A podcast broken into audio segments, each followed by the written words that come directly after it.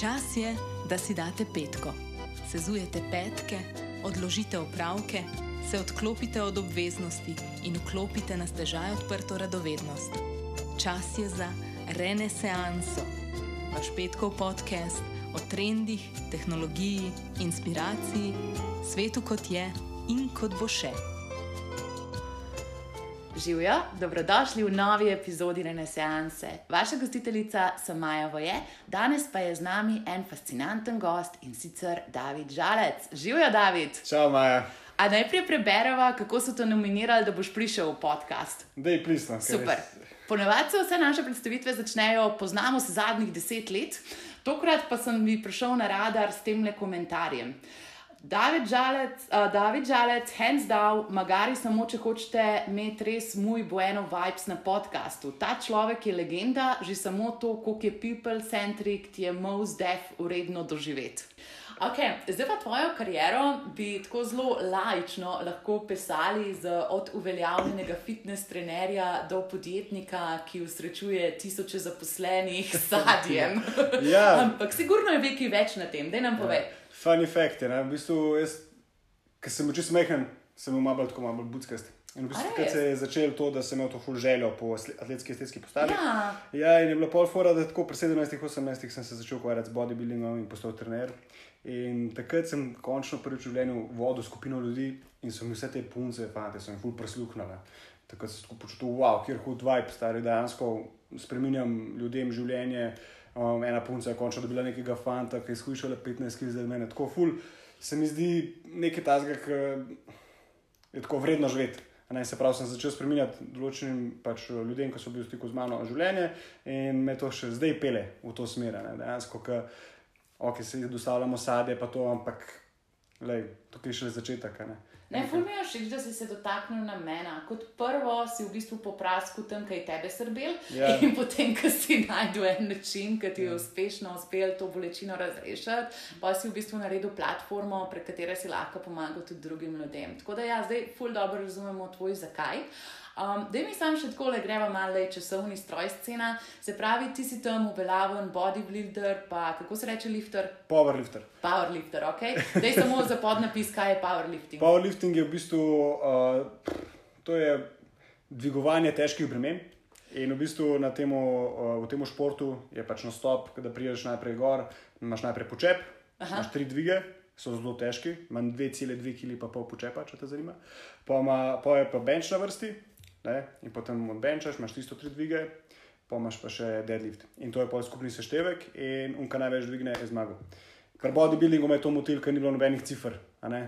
Pač subjektivno mnenje, a ne, ja, ti pa zgledaš Uh, bolj kdo zrezan, pa ono je, kdo ima bolj v hrbet, pa kdo ima bolj rame. a Veš, to je mene ful motilne. Poleg tega, da je. Ne opisuješ, je tukaj ena pasja razstava. Ja, ja, ja, exactly. V bistvu je. Uh, ja, no, ta, to je v bistvu tako te, lepotno tekmovanje. Jaz pa pač pol nisem več imel te, neke želje po podokazovanju lepotnemu. Pa sem baluno, da gremo neki, ne, neke rezultate narediti. In tukaj je bila pol ta. Uh, neka želja po estetski, estetski postavi, bila že pa tako, ok, jo že imam, ok, zdaj prati neke rezultate, Ho, hočem dvigati, ne vem, 250 kg deadlifta, take stvari so mi pol malo bolj zanimive. Kaj te pa pol motiviralo, da si šel na to podjetniško pot s sadjem, a si tako pač premišljeval, abs are made in kitchen, ali ja. kaj drugega? Ma ne, v bistvu tako. Um, jaz kot trener sem videl, da je ta trg fulnasičen v Sloveniji, da v vsakem fitnessu je bilo več trenerjev, kot samih strank skoraj. No. In nisem, nekako hotel sem narediti nek poslovni model, kako bi to lahko jaz laufu. Pač, ampak me je vedno omejevalo to, da bi lahko ob 6 zjutraj delati, pa pol ob 12, pa pol ob 3, pa pol ob 8 zvečer.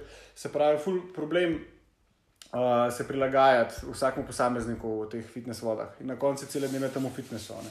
Se ne da zdaj kaj drugačnega, imam svojo firmo, ne se tudi so online, ampak lahko še vedno delam določene stvari, kadar želim, kjer hočem. Nisem skozi. ima določeno mero introspekcije.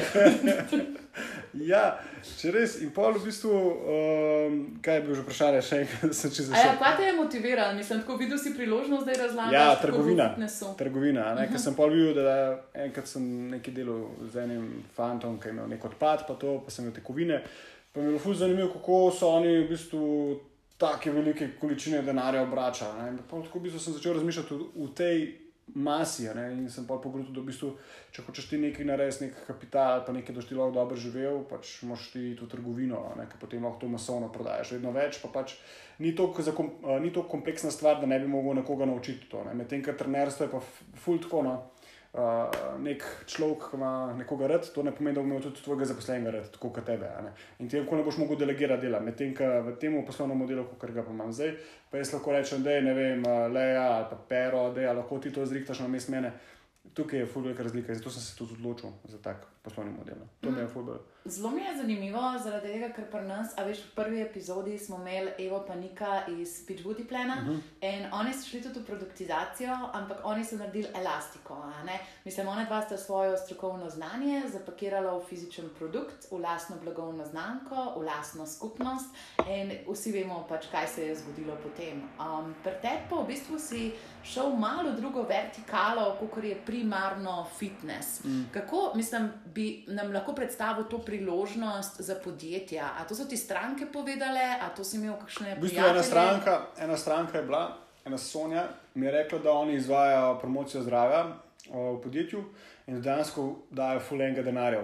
Nice. V bistvu imajo tudi krajne masaže, pa kar nekaj. Tako, mislim, dejansko prije ženska z eno mizo in te preklop ne vem, na neke ventuze ali kar koli, in polani tam ležijo in kao to je promocija zdravja. Ne sem tako, koliko ste pa plačali, pa reče tako, ful, ne, ne vem. 50 evrov na pol ure, nekaj tasega, pač ok, jaz ko hudo. Ne. Pa pa reka, da imaš še budžet za sadje, pa to pa mi je tukaj malo prla, ne. glava je rekla, v bistvu, da je to obvezno. Ne. Promocija zdravja delovna mesta je ja. obvezna in v bistvu tega noben je rešval. Ne. Vse so neke spletne tržnice, ampak spletna tržnica je spletna tržnica. Ne. Nekaj pa, da se neko podjetje ukvarja z zdravjem na delovnem mestu. Ne. Se pravi, mi tukaj imamo pač to diferencijacijo pač mi smo samo za to, mi hočemo pa dejansko podjetjem pomagati do boljšega zdravja, do bolj efektivnih zaposlenih. Nismo neka uh, home edition, neka. Ne. Meni je to fully zanimivo, tudi z vidika, veš, mislim, čez boja za talenta. Vsaj v tehnologiji, tako vemo, da če hočemo dobiti dobre programerje, UX-erje, produktne menedžerje, dobro tudi tržnike, ja, a, da ja. moramo zagotavljati okolja, ki so ljudem prijetna, v katera se rada vlače, vračajo. In ok, eno je bilo ta element, ki si ga izpostavil, je zahtevano, drugo pa tudi, a veš, lagrem jaz tukaj v Merkator, pa nabavim kilo banan, pa imam sadje na delovnem mestu, ampak ja. to ne bo ista izkušnja, kot to, kar vi delate. Se to je pol ki pač delaš poslovni načrt, pa malo raziskava, pa v bistvu veš, da ni to edini problem, ki ga rešuješ. Ne? Uh. -huh. Dejansko neka tajnica, ki je že tako preveč obremenjena, ona ne bo zdaj išla z vozičkom po 100 kil, uh, mislim, po, po sadje za 100 vse. Kako bo to izgledalo, model? Mislim, to pa še v tretji štuk magara. Ne? Mislim, ni šans, nima niti avta, niti vrečki, nima tako močnih, da bi zdržal vse to. Glavno, pa še predvsej te bi šlo. Na koncu, ki si preračunaš, suma sumarum, je to definitivno petkrat cenejško, kar še bi to ena ženska delala. Medtem, ki se lahko ženska še poškoduje, še hrbci vniz zaradi tega, ker si jih poslodja posade in pa še to reskiraš. Kar je pa tukaj res največji plus, je pa to, da ta IT segmenti, ki imajo firme, ki delajo malo večji dobiček, pa to imajo res problem s kadrom. In kako rekrutati dober kader, je tako, da jim pač daš sandbage, da jim daš možnost, da ima kuška tam, da ima PlayStation, da ima sadje, da ima flipper, da ima oljuke nic scena, da se počuti kot v Google, da mu je fajn, da ima že fitness. In pač, ki je ta mentaliteta prišla, ne, to je zdaj v tem času, v zadnjih dveh, treh letih mogoče. In tukaj je tudi pač ta priložnost, ne. ni samo ta promocija zdravja. Eni to delajo pač samo zato, ker pač to, se jim to zdi kul, cool, zdravje. Eni pa pač izključno samo zaradi tega. E, mogoče od kakšnega lastnika je tudi osebna vrednota, ja, ja. to je fulj pomembno, da se to vzpostavi. Pa se bo Amira vrnila na tole, ampak čist, če greva zdaj nazaj na to gospod Sonijo s tistim njenim budžetom ja. za sadje, to je tako ja, genialna ja. zgodba. Um, kako je tvoja validacija na trgu potekala? Kakšen MVP si ti razvil? To si se Sonijo zmenil ali kako? V bistvu, jaz veliko ljudi poznam že tako, ker sem pač veliko strank, fulejnih mm -hmm. direktorjev. V bistvu sem njih dosta vprašal, ali bi oni to imeli, pa to pač v bistvu, ali bi to tudi kupili, če bi jaz to začel. Ampak nekih, vem, kakšne vse MVP-je delajo ljudje, pač nisem jaz neki preveč se poglabil, če sem čest iskren. Zdaj se mi je ful taka basic stvar, ne boš ali ne boš. In mislim, da če dobiš par jajev, ne, pač lahko že štartaš. Tako, videl sem, da se že dogaja nekaj na trgu v tej smeri, ja. ampak noben še ni počel to na tak način, kot pa bi se lahko. Pa dobro, kot vsega v življenju, se tudi biznisa lotu resno. Mm. Čeprav zdaj je izpadlo, kot da jaz sem dubu par jajev, ampak yeah. Ja. pot do teh jajev, verjetno se še dotaknila tega kasneje um, je bila tudi poslana z marsičem. Ampak videla sem tudi tam na članku od mladega podjetnika, da si se ti izobraževal, da si vlagal vase, da si šel čez določene treninge. Mm. In ful mi je bila všeč tvoja izjava, da se mora vsak naučiti pač svojo spletno stran urejati, ne bo ja. rekla programirati, zato ker obstajajo vizualni urejevalniki. Kako si ti prišel na to idejo, da nočeš biti odvisen od produkcije nekoga drugega? V bistvu sem pa se klev peko, ko sem začel. Ne? Je bila fora, da meni nekaj, kar je ta človek, ki za me dela spletno stran, ni bilo všeč. Ja. In kako to skomunicirati. Ne? In to na koncu je ping-pong. Se pravi, da je lahko premakneš, prosim, uno sliko malo bolj dol, pa uno malo bolj gor. Pa, veš, on, pa, pa sem opisal v Messengerju z unimi pušicami. In to pač nikamor ni prišlo. On mi je pa odgovarjal takrat, ko je lahko, čez eno uro, dve ure. Mene pa žuciral, ker mi, mi ni bilo všeč. Pa sem pa rekel, ok, in sem v bistvu imel najprej v tem WordPressu ta builder, ne vem, Divi, pa me je full motu, ker je bil full neestetski.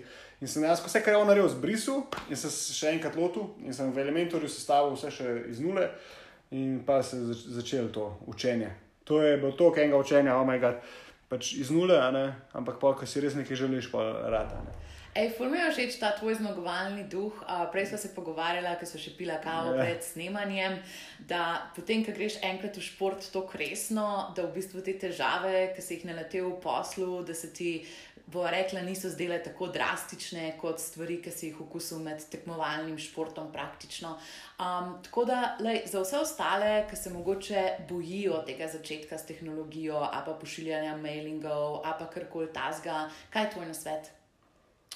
Ma, jaz mislim, da najbolj, da sam začneš, pa da si sam konsistenten. konsistenten. Ker večina ljudi, kot jim svetujem že zdaj, ki ja. so, kao, sem jim zgled. In Ja, kako pa ne začnem? Da je na redu, boš videl, pa te bo že pol pot pripeljala. Ne? Pa fajn je, da recimo pol sprašuješ, ko imaš kakšno težavo, kar praviš, se fuck je ful pripravljen. Mislim, mene, če vprašaš, če imaš kakšen problem, jaz ti ful z veseljem pomagam. Zato, ker jaz se tudi film s tem. Tako kot, kot trener, ki sem nekomu pomagal, da je zdaj pač eh, shujšil ali pa kaj, samo zato, ker sem mu par besed rekel, le, mene to res pač ni nič star. Pač, mislim, lahko bi zaračunal, ampak sem se ful počutil dobro če sem kakšne quick tipe dajal. Ja. Da, če si tebi nekje na eni spletni strani, ali pa da ne znaš piksla naštimati, ali pa da ne znaš eda zažgati, uh, mislim pač gata. zažgati, ga znaš mega. ja, kakorkoli, da ne znaš kaj sestaviti, da je praš, pa bomo zrihtali, drugač moš pa itak. YouTube, pa Google, ja. pa si lahko vzameš sajt, pa boš najdel zihr tam. Ne, to mi je fully všeč, to tvoje sporočilo, ker veliko ljudi ima averzijo do teh digitalnih stvari, mislim, ne vejo, kje se lotiti. In ja, David vam je zdaj le glih kar povedal, dva elementa sta. Eno je učenje s tem, ko delaš na realnih mm. primerih, to je vseeno, kjer ozajči v lukno, online treningov greš, pač mm. znaš samo boš mogel stvari nastaviti sam in stvari se bojo zlomile in vse, kar se zlomi, je Googleable, res na koncu si pošiljamo sam še linke, kako se stvari popravijo. Mm. In drugi element, ki ga je David izpostavil, je mentorstvo. Se pravi, povezuj se z ljudmi, ki so že uspešno šli čez ta proces, poudarek na uspešno. Poslušajmo zdaj le to, ja, ja. uspešno, yeah. ki imajo dejansko rezultate, yeah, yeah, ki so stvari naredili sami. Tako kot smo se pogovarjali prej o fitness trenerjih. oh, ja, ja. ne, to je res, meni je to smešen, nekaj je full nek kao podjetnik, ne pa ga vprašaš karkoli v, te, v tem pageu, ampak prej govoril, da on to vse zna. Mm -hmm dokler ni šel v detalje, pa pa on začne govoriti nekaj o marketingu, eh, ga vprašaš, kaj pa delaš v marketingu. Ne, kaj delaš, content marketing, kaj delaš, ECE, kaj delaš, ne vem, kaj delaš. Pa tako marketing. Tako, ok, vidim, da noč ne veš, stari. Če mi ti ne znaš definirati različne, ne, veje, ker marketing je tako širok, da, oh moj bog, ne. Pa že vem, da tukaj neki ne pije vode. Ne? In raj praš take ljudi, ki, ne vem, z razlogom so en, nekateri specializirani, eni v kopiji, eni v video, eni v uno, uno. Zato, ker pač vejo, kako je to široko. Ti ne moreš biti za vse. Mislim, ja. lahko si uh, lahko razumeš vse veje, to se mi zdi fuj zdravo. Zato, ker če imaš nekoga, nekega podizvajalca, ki ti zračuna za en sales copy, ne vem, Jurija, da boš razumel, koliko je on mogel vložiti truda noter, zakaj si dal Jurija. ne. Z tega vidika je mogoče fajn. ne. Ampak po drugi strani, a veš, če ti nek programer reče, zdaj Ja. bomo pa zračunali 400 evrov, zato da bomo pixel dan na Ja, spletno no, stran, okej, da rečeš, exactly. hej, piki. Oh to na ti bo God, pa vzel stari. pol určke, v redu je. Imaš še pol ure, ne, kaj, pet minut imaš to, custom code, daš noter, to, to, nekaj. Ne pa recimo, da ima kaj že zlomljeno, pa kakšen leg si gor. Ja, ja, a, ok. Um, ne, ja. tako da to je pomembno, to je definitivno pomembno razumeti. Um, tako kot sem pa videla, kaj jaz malo delam s podjetniki, pa eni, mislim, kot si prej rekel, ki ga pa vprašaš specifično vprašanje o marketingu, pa se le ni nič narobe, da delajo kakšne stvari na mesto tebe drugi ljudje. ne? Ja, In tudi, sam, kakor ne se pretvarjati, Ja. da delaš vse ti. To. In ok je, dokler si pač transparenten do teh stvari. In, Mm. naprimer, tudi, ki si zaupal to izkušnjo, kako ste vi v bistvu um, urejevali podporo. Ker zdaj med korono se ti je biznis obrnil na glavo praktično čez Dvakrat. noč. Dvakrat se ti je obrnil. Ne da si vse povedal o tem. In, ja, mislim, na to misel sem prišla zaradi tega, kako si ti v bistvu od sebe dal podporo, pa si na začetku tudi imel tako določeno anksioznost, a bo isto, kot jaz delam, ampak lej, si mogel reči, da je v redu, je, jaz tega ne zmorem več, to ni moj edinstven doprinos in si pač to dal ven iz sebe. Dej, prosim, nas popelji v tisti čas, marca in aprila, kaj se je vam naredilo v biznisu. Ja, V bistvu, kaj je bilo 13, 14, pa 15 marca so bili lihuni dnevi, ko so se odločali, ali bo karantena ali ne bo. Ja. No, in mi smo takrat dobili tako, mislim, da mislim, preko 100 odpovedi o naročilu za naslednji teden. ne. Wow. Ja, in pač predstavljaj si moj uh, izraz na obrazu, pač če sem bil čisto no, oh my god, kaj naj zdaj naredim.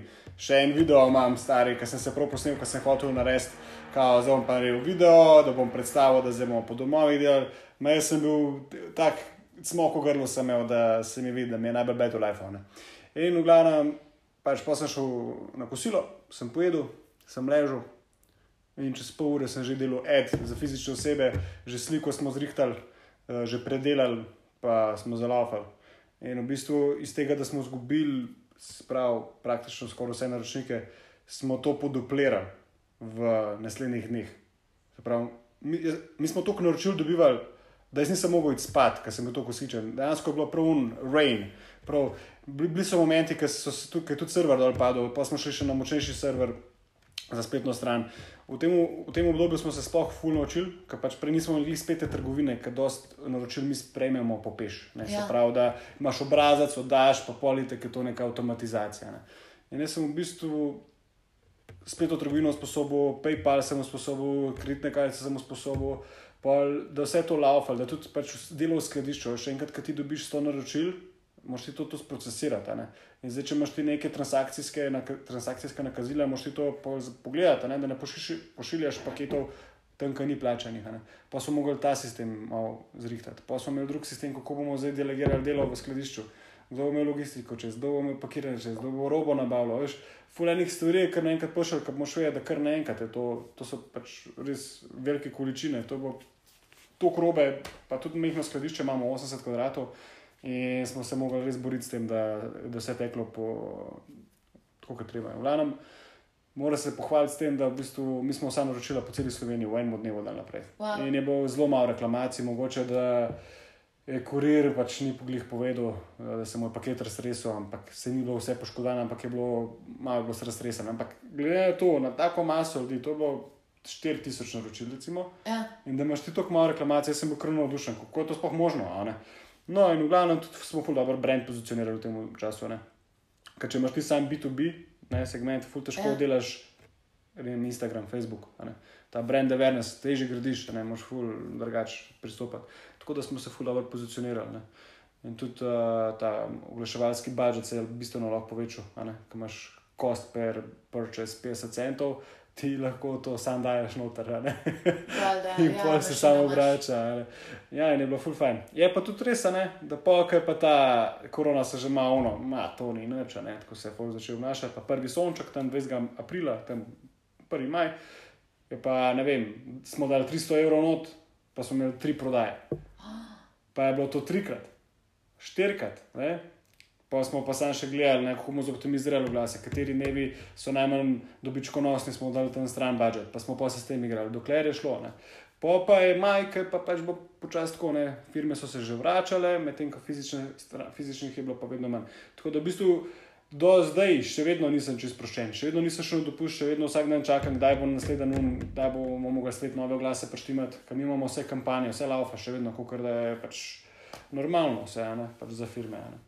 Tako da je ful bilo stresno to obdobje. da, Ja, zanimivo. Ne, dobro ste sfurali, tako zelo hitro ste se prilagodili. Ja, v bistvu smo se v pol ure prilagodili, tako kot sem rekel, ok, gremo, cek, Noro. to je bilo to. Ne, amazing, greš čestitke na tem področju. Mm. Pa se ti zdi, da je to ena trajna sprememba v tvojem poslu, ali misliš, da bodo šle stvari nazaj? Pa zdaj vem, da nimajo kristalne ko, um, krogle, ampak kaj te hočem vprašati je, če si zdaj na B2C-ju videl, da je to zate tudi en takšen posloven model, ki Ja. živiš noter, ali Bito si bomo obdržali, Aha. ampak ne bomo pa promovirali na veliki nogi, zato ker vem, da pač vsi ti, uh, ki naročajo na dom, si želijo tudi malo pač, po svoje sestavljati za bočke. Nam pa pač to ni, uh, zdaj da bomo vsakmo posebej. Ne? Ker Če imaš sto naročil, pa vsak posebej si neki tam, hoče, je fugarik problem z nabavo. Ja, imaš da. ti recimo, imaš štiri produkte, imaš, jagod pa nimaš. Ne? In zdaj, zato, ker ti jagod nimaš, ti ne moreš celega paketa naprej. In zdaj imaš opcijo, da si kvariš ime, da skozi kličeš stranko, le tega nimamo, tega nimamo, ali pa ob dostavi rečeš, tega nismo imeli. A Veš, to, to se vsem dogaja. Ja, In pač si pol ukvarjaš ime, mi pa pač vedno vse imamo. In se mi zdi ful zdravo, um, da ne uničujemo svoje blagovne znamke, zato ker pač imamo tam 300 milijonov različnih izdelkov, pa v bistvu jih polnimamo. Uh Mhm. -huh. Tako, ko- kaj, kaj sem šel, zdaj, za vikend sem šel kupiti tam v neko pohištvo, najprej grem v, okay, na rudniku, no, na Angliji pomeni. Vprašam za to maro. Prav, ja, ja, čez šest dni bo kle. Pa jaz tako, ok, jaz se rabim danes, kam glih caj, da jo zašalfam. a ne. In tako, ok, grem pač k sosednji, a ne konkurenci. In prav, ja, ta bo pa čez štiri dni kle. Pa jaz, tako, ja, jaz imam tudi cel svet. A, a, a rabaš Teslo, a rabaš, eh, ne vem. Mislim, a veš, ka, kažeš mi tukaj produkt, da ga lahko kupim s ceno, stari, pa mi rečeš, čez štiri dni ga imaš lahko. Pa jaz lahko tudi showroom odprem z vsemi izdelki na tem svetu, pa rečem, tem, to je čez dva meseca, ta čez en mesec. Veš, meni to ni life. Ne.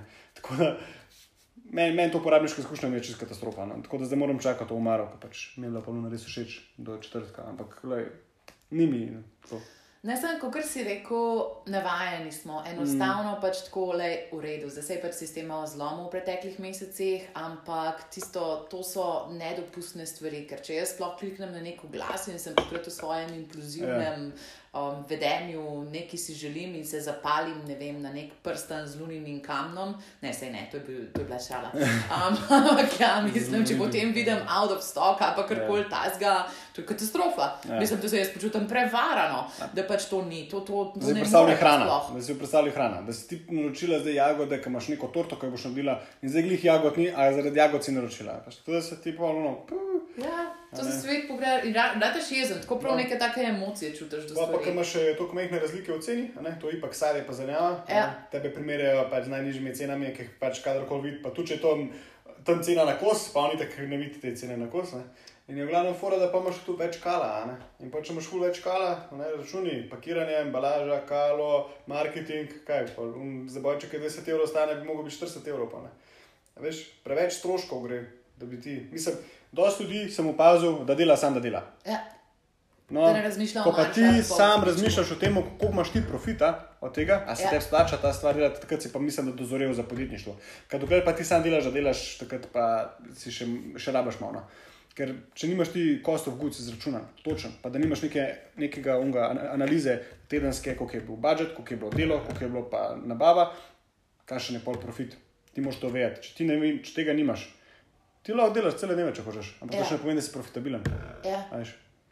Ne, pa sploh ti biznisi s prehrano so tako težki, to mm. se tudi z roko iz peanut butterja oh. Pogovarjamo, pa pač s parimi temi mentoriranci, ki imamo. To je, mislim, tudi če pogledamo restauracija, pač koliko časa restauracija rab, naprimer, da je profitabilna. To so ene izmed težjih vertikal, v katere se lahko usmerjaš.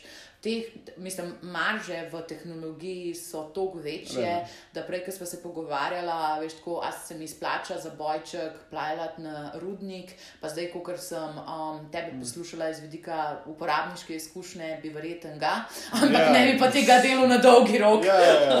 To, po domovih dostave, to je res, to je res zanimivo. ne. Zdaj se sicer tudi pogovarjamo z Goptjem, da bomo imeli same day delivery, uh -huh. da bomo z njimi sodelovali. Kar je zanimivo. Ti si zdaj le zamišljaš, da bi čez pol ure imela rada, ne vem, tam ne, pač neko zanimivo košarico, kakorkoli, zato da boš imela pole na pikniku. To je kul. Cool. Ampak je ful bi mogla biti večja cena. Ja. Pač, navajeni smo tudi mi sami, ampak nismo pa navajeni izračunati, koliko pa smo mi porabili časa in koliko je ta moj čas vreden, koliko je to evrih. Ker ti recimo eno uro, ko porabiš za trgovino, če si ti nek advokat ali pa neki, to je 100 evrov. Ja. In ti si pa zdaj, ko je pripravljen se z mano krega, zato ker si 3 evre več plačal, ono zelenjavo za boček. In pa smo pa spet na točki, a veš, delegiranja, oziroma pač kako si optimiziraš dan. Mm. A je nekdo, ki to naredi boljš od mene ali pa cenejš od mene, kaj boš delal, kaj ne boš delal. Tako da tukaj je tudi, mislim, čisto podjetništvo, ene par zelo aha momentov na poti vsakega posameznika. To, kar si rekla, kdo bo se ne delal. Meni je to tako fascinantno, ker recimo sem z javno upravo, me- meni recimo z javno upravo res fuli v interesu delati preveč, zato ker tam zmaga najcenejši ponudnik. In jaz sem tako, kako je lahko to sploh uno, o, o, pač glavna stvar. Ja. Ne more. Mislim, zadnjič sem se prav hecel, zdaj dejansko za enega uh, iz javne uprave. In sem krajne cene napisal. Pač tako res, čisto z nulo bi delal. In tako ona me napiše, mail, ja, žal smo se odločili za cenejšega ponudnika. Pa, pa sem prav napisal, pa kdo? Zakaj? Razumeš? Ker nisi tukaj, zdaj, če imaš ti banano ceno, a ne, Ja. pač imaš ceno, a ne. Mislim, mogoče imaš lahko 5 centov, manj. ne. Ampak še zmeraj, če nekdo naroči 5 kg banane, je to še vedno 25 centov. Kaj je zdaj za 25 centov, mislim, a veš tako. pol- Ampak sam testiral sem, how, how low can you go, a ne. Ampak pač dejansko javna uprava, pač sorry, le. Ne, mislim, da imamo vsak kakšno tako zgodbico ali dve. Ne, to- je to naredilo No. na eni delavnici, pač za nek um, paradržavni organ tudi, pa za vzeri bizbet, um, se seveda jih ne bom poimenovala, ker sem gospa slovenskih gurujev pač tako tekmovala na tistem in oni so meni rekli, Maja, pač tako, mi hočemo tebe, tako res, dajmo naštimati eno tako ponudbo, da bo šlo skozi. Pa jaz sem rekla, le pač. A, sorry, jaz pač po 300 evrov na uro ne delam delavnic. Pač, ok, če greš v manjše podjetje, 200, če si pač ne more prvoščati, ampak lej, za 80 evrov na uro je pa meni bolj se pogovarjati po Zoomu z nekim Res, res, človekom, to pa ker res. be, Oh pač God, ja. imam manj intelektualnega efforta na tem področju. Ampak ne, pa smo mi v bistvu naredili s tisto gospod ko, da sem jaz napisala tako ponudbo z enimi takimi stavki noter, Ja, da ja. pač tudi me razumel ne bi, če bi kdo bral. In To- pa sem bila pa naenkrat edinstven ponudnik. Ja, to sem tudi jaz doživel. Dej, David, a bi lahko ti mogoče napisal še, da, da imate na voljo še to, pa to, pa to, pa to. Zato, da boš edinstven ponudnik. Veš, jaz sem bil tako, ok, bom, ne. Še lepo mi je kliknil, zakaj. Ona Ja, meni ja, pojala, ja, valjda. hotela a ne. te je, ja. Ampak hodila je z nami delati, ker Ja. sem, smo bili pač simpatični. a ne. Ja. In to mi je bilo pa všeč. Ampak Ja. ni vedno to možno, ni, ni vedno možno. Ne, pa tudi tako je malo, veš, mislim, tisto, zdaj se mi jajcamo, le na trgu smo toliko, toliko časa, Ja. imamo tako ime in zdaj mi nek dokument šraufamo, zaradi tega, da bomo pač zadovoljili nekemu kriteriju. Pač ni učinkovit sistem. Sej razumemo, zakaj je sistem na to, ampak lej, vsak sistem se moraš časoma prilagoditi. ne. Mm, to je res. Isto kot v vadbi, pač, ko imaš progresijo, ne moreš pač enih in istih vaj delati Mm. tri leta. Ne gre, pač sistemi so s časoma se pokvarijo ali ne ustrezajo več sedanjosti. Ma- Malo smo odjadrala. Mm. Ja, Všeč ja. mi je. Ja, Ej, zdaj gremo pa na eno fulj zanimivo vprašanje iz vidika prodaje. Se pravi, med vašimi strankami vi se lahko pohvalite s super podjetji, kot so Hervis, DM, T2, Dinner, uh, Diners Club, DHL, GSL. To so pač take stranke, ki so meni tako, mm, zastrižem z ušesi. Mm. Pač tako, kako prideš do takih podjetij, David? Tako, kako se to naredi? Tukaj je pa tako, tako širok, veš, ker tukaj ni uno, da bi lahko zmeril. Okay, zdaj imam ed, ne, včeraj, kaj sem hotel že kupiti, uh, ena očala. Aha. Nekaj očala so me zaspemala v, v Facebooku. A si odziven? Ne, nisem, nisem pa kupil, ampak ni glih tako, veš, da me dobiš, pa naročiš. Kafora, da ona mora, pač oseba, ki je odločevalec, mora to skomunicirati s šefom. In to Ja. včasih traja mesec, tri mesece ali pa še več lahko. Ne. In jaz ne vem čisto točno, kje jih mi zahaklamo. Ne vem. Ampak, ko delaš pa ti več stvari, ker si ti pač prisoten na vseh kanalih, ki komuniciraš dobro voljo, da so ljudje pač ko bi rekel, za tem. Ne. Pa te tudi, ko oni delijo te obstoječe ja. stranke, pa potem HR, ki išče nove Točno ideje, to. to je tudi fulit moment. A veš, uh, vsi govorijo o user-generated contentu, kot da je to neka nova stvar. User-generated content je bil že 2002, ko je bilo od ust do ust, to je ista stvar. In hočem povedati, da od ust do ust, ker je nekdo zadovoljen, pa ki pove naprej, takrat pomeni. V tem B2B-u se mi zdi, da ima še večjo vrednost. Vse ima posod vrednost, ampak v tem B2B-u je pa pač še toliko večja ona. Ne? Da ti je, ne vem, Dolabs priporoča, ne vem, Zemanti ali kako koli, če oni so res kul, cool, da jih delijo, ne pa bo, oh, ja, res kul, cool, veš, ki so. Tako je. No? Ja, privlačno privlači, privla, ja. uh, mislim, podobno. In tam, ki se pozicioniraš v tisti segment, mislim, najtežji je zapreti prvo večjo stranko. Mm. Potem se ti kar odpre svet, ja, ja. No. Meni me se tudi tako zdi, da v bistvu, mi smo danes skozi v tem 2019 zrastli več kot tri top kom, pač, eh, tek, tekmovalci, kako reko, ja, pač, eh, konkurenti. konkurenti skupaj. Oni skupaj niso tako zase, kot mi. Nice. Jaz ne vem, kaj mi delamo, točen, ampak jaz sam vem, da tako kot v športu dajem vse od sebe. Vsak dan se zbudim ob štirih, vsak dan se učim nove stvari, vsak dan delam na stvarih, da bi bili boljši. Recimo, če pogledamo samo SEO, mi smo zdaj že na 11 keywordi, ki so meni pomembni, nam pomembni, prvi. Nice. Že samo to, pač, to je tako, kot si moraš zobe umivati. To, ja, veš, ja, zobe si moraš vsak dan umivati in ti na teh stvareh moraš vsak dan delati. Mi imamo vsak dan več postov, na Instagramu, Facebooku, LinkedInu, vsak dan poste. Poleg teh postov imamo še svoje lastne objave. Ne? Jaz delam pa še blog poste, delam še blog poste. Se udeležujem raznih eventov, sem govorec ali sem na podkastu. Se pravi, zdaj imamo že ene šest stvari, ki jih počnem, ki je do, dobro za B2B. Pomaž pa še, če si ti ok kot oseba, kako delaš ti servis za svoje uh, naročnike. In ko ti izpolnjuješ vedno več teh pogojev, večje so možnosti, da boš konvertil določene kupce, a pa da se bo zanimal. Pa pa bolj, da ne govorim še o glasih, kakšno glas delaš. Fox se ukvarja recimo z modrim gumbom ali pa rdečim gumbom. Kjer gumbo? Jaz to pravim, ne se ukvarjam z gumbom, da je zanimivo vsebino, da je. Kum gumb, ok, lahko mogoče, če imaš ti neki izdelek, ki ga gleda milijon ljudi vsak dan, yeah. da bo pač kaj je efekta. Ampak pri takih stvarih moš pa ti tako drugačno zdelati. Ne? Mi imamo na LinkedInu in na Facebooku in na Instagramu skozi nove kampanje, skozi nove, skozi delamo na, na, na različne metode prodaje, delamo email marketing, delamo direct call, mislim, da pač pokličeš, priješ. To je zdaj že 11 recimo, stvari, ki jih počnemo. Ne? Veš, imamo v rutini, počnemo. Ne? In pa je tako, pa, pa delamo še z bonusi, delamo še, se odeležujemo dogodkov, smo sponzorji določenih dogodkov. Veš, pa je tu že nekaj 13. No, in ko vse to pokrivaš, potem imaš večje možnosti, da boš neki. Ne, da boš več kupcev. Medtem, pa nekdo, ki se fokusira samo na najnižjo ceno, ne, pa ne bo mogel sploh delati vseh teh stvari, zato ker če boš ti hotel vse te stvari početi, boš mogel malo več zaračunati. Kaj pa boš ja. mogel imeti določene ljudi, ki bodo delali na mestu tebe te stvari. Če pa ti vse sam delo, boš pa pač cel life. Pač, Daleč lahko priješ sam z ekipo. Pač to, kar mi počnemo zdaj, neko mm, podjetništvo, jaz gledam tako, da bomo po celi Evropi čez pet let. In če jaz zdaj ne morem delegirati določenih stvari že v podjetju, polno kol nam mogo sploh to zrasti. Če bom jaz sam uno, vse sam dostavil, vse sam spakiral, pa najnižje cene dajo, lej, ti lahko delaš to, kar lahko in pa se konča. Koš pa ti malo bolj razmišljal, kako ti lahko to eh, implementiraš na ostale trge, da boš imel tudi dejansko možgane podjetja v skladišču, da dejansko bo vse funkcioniralo, da bojo zelo glafale, da se bo pakiralo tako, kot treba, da bo vse tako, uno, uno, kada je high-tech company, takrat si ti lahko sklebilen, da si lahko po celem svetu. Ne. Vsako podjetje danes je tehnološko podjetje. Ja, ja. Ja, do, do, ampak, lej, res je, ampak večina, zaradi tega, ker se omejuje na ceno, ja. in tako na koncu dobi plus kupec. Kupec pašpara. Ta industrija naša pa zgublja. Zato, ker mi dejansko, zato, ker se med sabo neki um, pač prskamo, kdo bo cenejši, kdo bo do banano za 5 centov ceneje, pa neki na koncu dobi sam kupec plus. Ej, ampak zdaj tukaj le govorijo o ceni. Um, ne, veš, kaj bom najprej povedala? Najprej bi rada usidrala še eno misel. Se pravi, to, kar je David povedal prej, da on testira zdaj le 13 različnih kanalov, koliko smo jih našteli, yeah. Ja. niti se ne spomnim.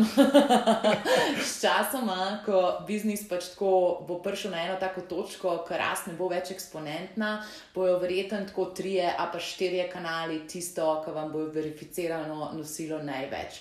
Zdaj le je v bistvu še ena taka faza, ki ne vemo še čisto točno, kaj se prime in ker ne znamo še čisto točno atribuirati, kakšno je sosledje teh stičnih točk, da pride potem do te eksplozije. In v tej fazi je to, kar je David povedal, najboljša stvar, kar jo lahko narediš, rutinsko investiranje v določen kanal do te točke, ki je zate še vedno profitabilen. In tukaj rabaš pa obdobja, ki so 3 do 6 mesecev. Zaradi tega, ker ne bo pri vsaki stvari rezultatov čez noč. Pa sploh biti bi, ne? Ja. A Veš, ker ni pol cikel 300, ni 300 Ja. konverzij, a ne? Imaš jih 6. Ja. 10 in je to full mal za analizo delati. a ne. Ja. Kaj sem zdaj na Google Ad, dobro laufa, a on tako tako hotel klikati gor, pa v bistvu bila na, a veš, take stvari je full težko, ne, zato delamo kar vse, posod pomal, pa pol skozi čas videl, kaj je najbolj. ne. Pa veš, da sem jaz tudi imela ta problem v svojem poslu, pa mi ga je pomagal rešiti Simon Belak. No, se sem sama tudi vedela, kva bi mogla narediti, pa se mi ni dalo, ampak boke mi je Simon to rekel, sem dobila Ja. še dodatno motivacijo. pravi, če bila z drugimi stvarmi, ne? Ja, Pa pač nisi je lot- ja. ful zanimalo, a veš, kaj podobno kot pri tebi, imam pač tudi jaz take nastope in imam pač tako vsebino, ki jo generiram in vse take zadeve. In ja, zanima me, kje so tisti ključni momenti, ki nekoga prepričajo, da bo stopil v kontakt z mano. In v normalnem B2C biznisu bi jaz pač to izmerila s kakšno anketo. Če imaš pa pač tako nekih, ne vem, 50 strank v pipelinu, pa ne moreš anketirati njih. In je Simon takrat ful dobro napisal, pač pogovarjaj se s folkom, pa pač poskušaj v teh pogovorih, ki jih imaš, identificirati to točko. In to sem zdaj zelo redno začela delati, ponavadi pol, ko že končamo s sodelovanjem, ko pač naredimo te naše delavnice in storitve, ko prej mi je tako malo scary, a veš, ko še vedno pač se spoznavamo, pa se tipamo, ne vem, tako, tako, tako forum imam jaz. Um, in ja, mislim, to sem si začela mečkano bolj sistematizirano beležiti in vidiš včasih, da veš, stvar, ki si jo deloma pred enim letom ti lahko konvertira. ne? In kako boš pa tukaj naredil atribucijo in ene take zadeve, ej, mesi je, res je zakomplicirano. Ne, če imaš ti 200 naročnikov, ne, pa da dobiš odgovorov 120, Ja. a, a, pač ni vsak pripravljen povedati, ali pa se Ja. ja. da, ali pa kakorkoli je slučaj. Ne, je ful mehano vzor še vedno. Se mi zdaj moram še malo počakati, da bo recimo 400 ali pa Ful kaj takega. dobro, ja. In recimo, jaz doskrat, doskrat sem dobil tudi tako, ker sem mi lift pridržal ženski. Oh, A veš, je to zato, ker jaz sem, kar sem. Ker je Dunajska šola to. Ne, zato, ker sem, ja, kulturen človek, star je. Ja.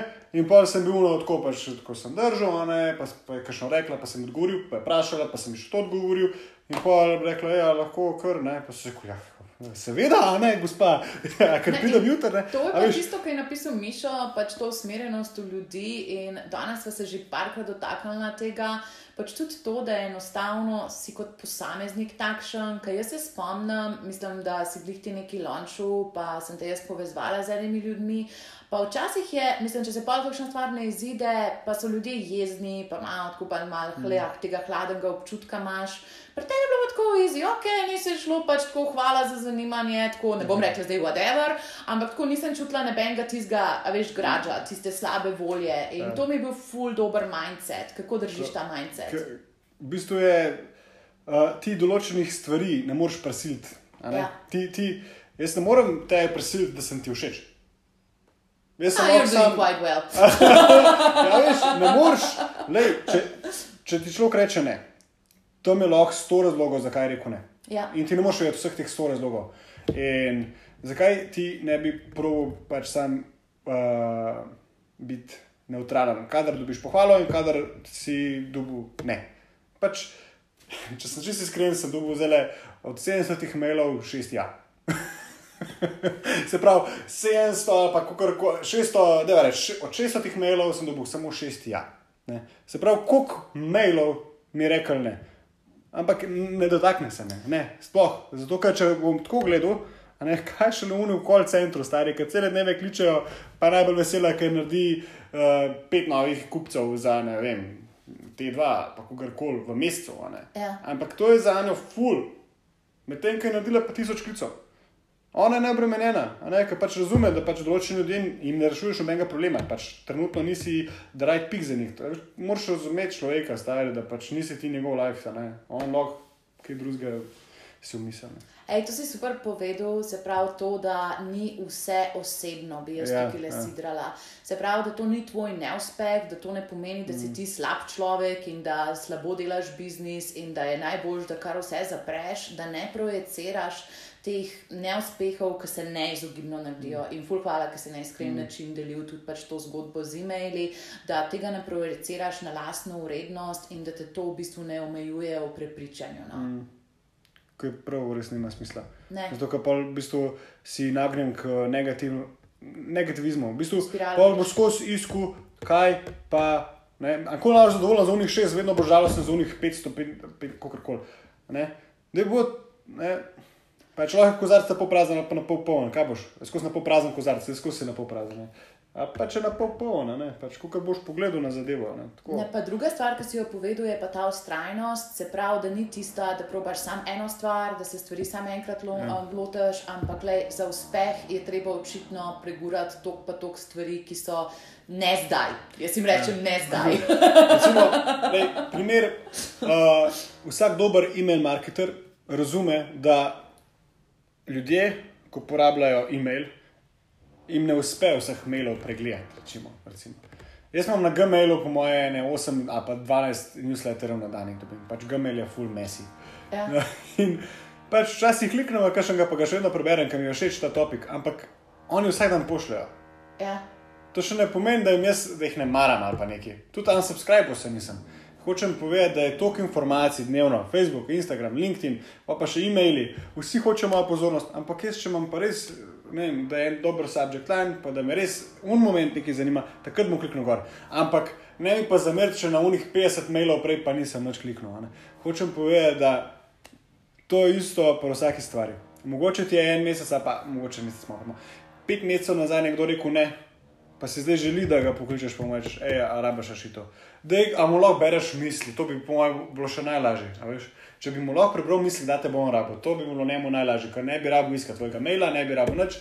Če pa ti njemu glih pošlješ takrat kakšno sporočilce, oh, dobro, da si glih le odprl po, uh, pogovor, evo, res rabim, prepel, kakorkoli. Hočem povedati, da nikoli ne veš, ne? tako da moš vedno probavati. Ne, ne misli, da je, se zgodi, da je kdo kaj proti tebi usmerjen, a, ne, a pa ti hoče kaj slabega, ampak to je, kaj, mislim, kaj če se s tem ukvarjati. On že v osnovi ni tvoj kupec, tako da le pusti, da gre stran.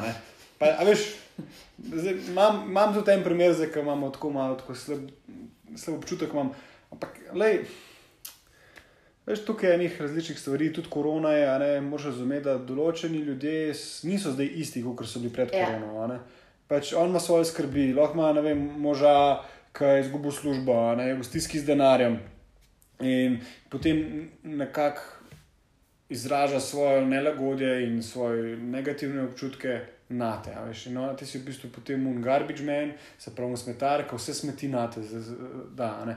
Pa ne zamerta, veš, ona ali pa on niso oni take osebe, ampak je pač skupek dogodkov jih pripelje, da so taki. ne. Ej, to meni ful všeč v storitveni branži. Jaz včasih svojo frizerko vprašam, kera je najbolj čudna zgodba, ki se ti je naredila Ja. ta teden, povej, ker pač to je enostavno ta To- element to- filtriranja. A mi verjamemo, da No, smo res enkrat dobili, enkrat nas je ena kregala, da so prekratke banane. Ne? A, Ok, pa sem rekel, ok, prosim, samo da mi specifikacijo, dokoliko pa je lahko dolga, koliko, mislim, minimalno. In je rekla, ne vem, 25 centija, razumem, res se zmerla. Veš. In mi imamo vsako nedeljo, se glih hecamo na ta račun, ej, ampak za njih pa je res imajo full banan, 25 kg in vseh moramo dati tok, veš. In pač res beremo, ne, iz šestih kartonov same najdaljše damo pol njima. ne. Veš, ampak le, še vedno, ne, pač le, ona hoče imeti veliko banano, kaj zdaj, ne. Pač hecam se sliši, zdaj to sploh da govorimo o bananah, zdaj se je res zdaj. Ampak če imaš takšnega kupca in da ti pač res ni to velik problem spet, ne. Ja, valjda. Pač malo razbrati, ok, ni panike. In pa je ena oseba v nedelo tam asajna na zamerjenje banan. Ja, v bistvu vsi, ki pakirajo, pa dajo ti te dolge banane na stran. Ne, ok, A ok, veš. to bolj racionalen Ja, sistem. pač pustimo pa za na koncu. Ampak ja. Oh, da veš. Ej, Ravi, zdaj mora iti pa v turbo pogon. Um, zdaj se bomo pogovarjali še mečken, mečken, mečken o zdravju na delovnem mestu, oziroma pač to me zanima, kje prakse po podjetjih bi ti vzpostavil kot dobre, ker prej smo se malo hecala iz raznih mesažnih mis, uh, mhm. kje so pa stvari, ki jih vidiš po firmah, ki hodiš, ki so ti pa res gud, pa so ti tako take, da bi jih rad priporočil tudi ostalim. Um, zdaj, tu sproščeno sodelovno mesto. Ja. Ne, to, to je fully pomembno. Ali že je en dober, uh, se pravi, people, uh, leader tam, da on tudi vpraša ljudi, ki so pod pritiskom, ki so pod stresom, da ga vpraša, zakaj ima svoje težave, ali ga motki kle. Najprej je tako ta atmosfera, čez psihološka, kakle se najprej začne. Pa je tudi, da izobražuješ svojo ekipo, kaj, kje v prehrani, da oni vejo, kako se lahko boš počutil. Da jim sploh daš možnost, da on dejansko se lahko pri tebi nauči veščin zdravega prehranevanja in boljšega življenja. Lej, zdaj ti največ, kar lahko narediš, je to, da mu dejansko tam. Prednos, zritaš predavanje ali pa list papirja. Pa to vi tudi delate, ne te delavnice. Ja, ja, ja itak. Ampak hočem povedati, da ko ti enkrat to daš svojim zaposlenim, hitek nima druge opcije. Pač, mislim, plačo si može, lahko posluša, pa ne posluša, boš se počutil, to je to pa jih pogled, če te zanima. Ne? In on pa lahko to posluša in dejansko lahko nekaj povleče ven iz tega.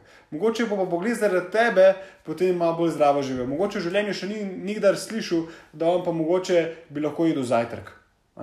Pa ne bi rabila biti prva oh, stvar, ki jo je. One of those guys, not into intermediate fasting, ok. Ja, kakorkoli, kakorkoli. Te diete bo itak lahko, kako hočeš še debatirala, ker to je full široko. Ampak hočem povedati, da če te enkrat nudiš svojim zaposlenim atmosfero, okolje, katero ti omogoča zdravje, ne, bo zihar bolj zdrav človek. Ne moreš ti vsak dan mu tam ledeti, ne kup čokolade pa vem, alkohol. Umetne juhce. Pa ne vem kaj, ja, same take stvari, pa nič, nič v njih, nič prezračevanja, nobene rože, pač da tudi okolje prostorsko, da je tako prostoren, da diha, ne, da ni jih vse neki zaprt, pa temno, mora ja. biti svetlo, ne. Pač vse te stvari pač bi lahko delodajalec poskrbel. Zdaj, lahko začnemo tudi pač v gibanju, ne, da bi lahko se raztezali. Ja. Imeli, to se mi zdi ful zdravo. Ja.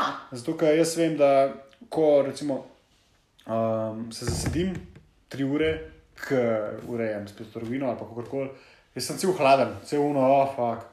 Ne, cel sem tako trd. Zakrčen si. Ja. Cel sem, veš, no, in pa moraš se malo razgibati, ne, malo. Našo relam, pa kaj smo fitness v skladišču.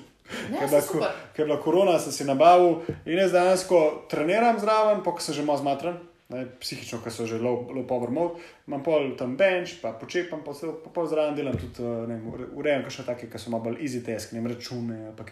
Hočem povedati, da se mi zdi kot test, da vidim, kako vpliva telo, če med šihtom, med službo, te, uh, vadi, je impresivno. Ne. In zato mi je tudi jasno, zakaj določena podjetja imajo kar za fitnese. V, v firmi. In jaz mislim, da to bi bilo ful pač smiselno, ne? da imaš neko vadbo uh, v istem času, kot tudi uh, delaš. Zato, ker dejansko lahko delaš dve stvari naenkrat. Pač, ok, mogoče jih ne moreš biti na sestanku, pa zraven kvihtati. Ampak, če. A, tudi pa... to sem že delala. No, veš, ampak, veš, lej, tudi ja, časovna optimizacija je. Ja. Namesto, da imaš tam mnoge gor na računalniku, pač da zraven nekaj telovadiš. In ti, ki imaš tako pet minut pauze, lahko Ampak če ti dve ure treniraš, pa vsake pet minut pauze si kar nekaj naredil. In mogoče potem ne boš rabu uh, iti po otroka v vrtec, pa ga pelati v varstvo, pa pol na trening, pa boš sam s tem zgubil full cajt, lahko že med, med službo povadiš in potem uh, pač paraš na času in si več časa lahko s svojimi ljubljenimi. Joj, kar slabo vesti imam, vmes, ko si ti tole govoril, me je Fitbit v roko zavibriral, da to uro še nisem naredila tistih svojih tragičnih 250 korakov. Ja, dobro. dobro, ja, ja, jaz, jaz rabim malo elektrošokov v svojem življenju, da se kaj spomnim. Um, lej, pa pa deva sam še tole pa povedati, kot si se prej dotaknil, a veš, tako malo teh zajtrkov, pa take zadeve. Za enega ne bom rekla, povprečnega pisarniškega delavca, ker to zveni kot slaba verzija yeah. Ja. sveta na kanalu, a mali ja. človek. Yeah. Ampak tako, nek takšen človek, ki nima večjih fizičnih obremenitev na delovnem mestu, kako bi lahko potekal njegov dan? Tako, kakšen bi bil idealen ritem za nekoga, ki pač tako glihne preklada cementa cel dan?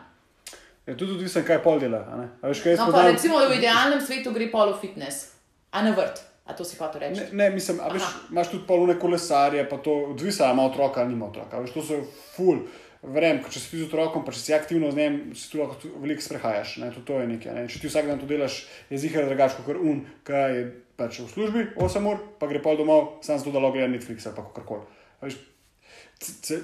Celota je zelo pomembna, ne tudi kakšne so njegove prehranjevalne navade. A Veš, če si idemo v teh pisarnah, dosti tako, pač pol, če se neče giba, doskrat pol tudi malo bolj lahko hrana in tako dalje. Ja. Ker če poje nek Dunajec, pa pomfri, pač bom sam zaspal tam. ne. Ja, ja, Pač ja. hočem povedati, da to um, je zelo težko čist definirati, kaj je the right fit, the best un fit. a ne. Ampak, da bi lahko res izpostavil, da bi lahko začeti dan z zajtrkom, tako okay. imaš kakšen takšen idealen blueprint za nekega človeka? Ne, ima v bistvu, uh, kar se tiče prehranjevalnih navad, pa to meni se zdi, da bi mogel vsak posameznik se prilagoditi. Zdaj, nekdo, ki ima običaj, da zjutraj pač spije kavo, pa skadi cigaret, pa pol na poti do službe poje en maf, uh, rogliček. On more mogoče to vedeti, da to ni njih najboljša izbira, ampak če to njemu da neko zadovoljstvo v življenju, da prehrani ne vem koliko časa, je neki, ok, deli. Sam da je probi potem to pustiti, pač kot je, pa probi druge stvari izboljšati. Da je probi pa vse zakosil, pojesti tako nekaj malo bolj polnovrednega, da ni Ja. kava pa mafin cel dan, ki si imel. Ne. Pa pol tudi malo več vode spi, zato ker pač kadiš, pa kava ful piješ, da je mogoče to si za zakup, da moš mogoče še več vode piti. Pa pol mogoče za večerjo, da spet malo bolj polnovredno poješ. Prvi del življenja, nisem prvi del dneva, nisi glih nič uložil. Se pravi, zdaj imaš ta tip, pol imaš tudi tip ženske, ki ima mehkega otroka, ga mora peljati v vrtec, pol hiter v službo. Zdaj spet, ne vem, ona spije še kako koli. Karkoli delaš. Pač moš vedeti, da je vedno možnost izboljš, izboljšav. Ne se pa zdaj ti, jo, da sem bil pa poreden, nisem jedel, da sem očit mil. To se mi zdi absurd. Da ti sam sebe označaš, da si pač eh, nek off-obrok, pa nekaj delo. To off-obrok smo mi zdaj uh, demonizirali, bom rekel, neko vrsto hrane. Vsa hrana je ok, če imaš ti ostalo zrihtano. ne. Zdaj, če pa ti res sam Dunajce ješ, pa pivo, pa ci, cigarete, to pač je energijska vrednost unešena, ampak ostalih stvari ti manjka. Manjka ti vlaknine, mikrohranili, vitamini. In to bo vplivalo potem na tvoje počutje in na tvojo prebavo in posledično na celo telo. Ej, jaz bi rada sabo samo še en mit predrla. Mi, ki ljudje, ki se malo izogibamo oglikovim hidratom, okay. pa sadje neki ni naš najboljši prijatelj. A imaš kakšno sporočilo za nas?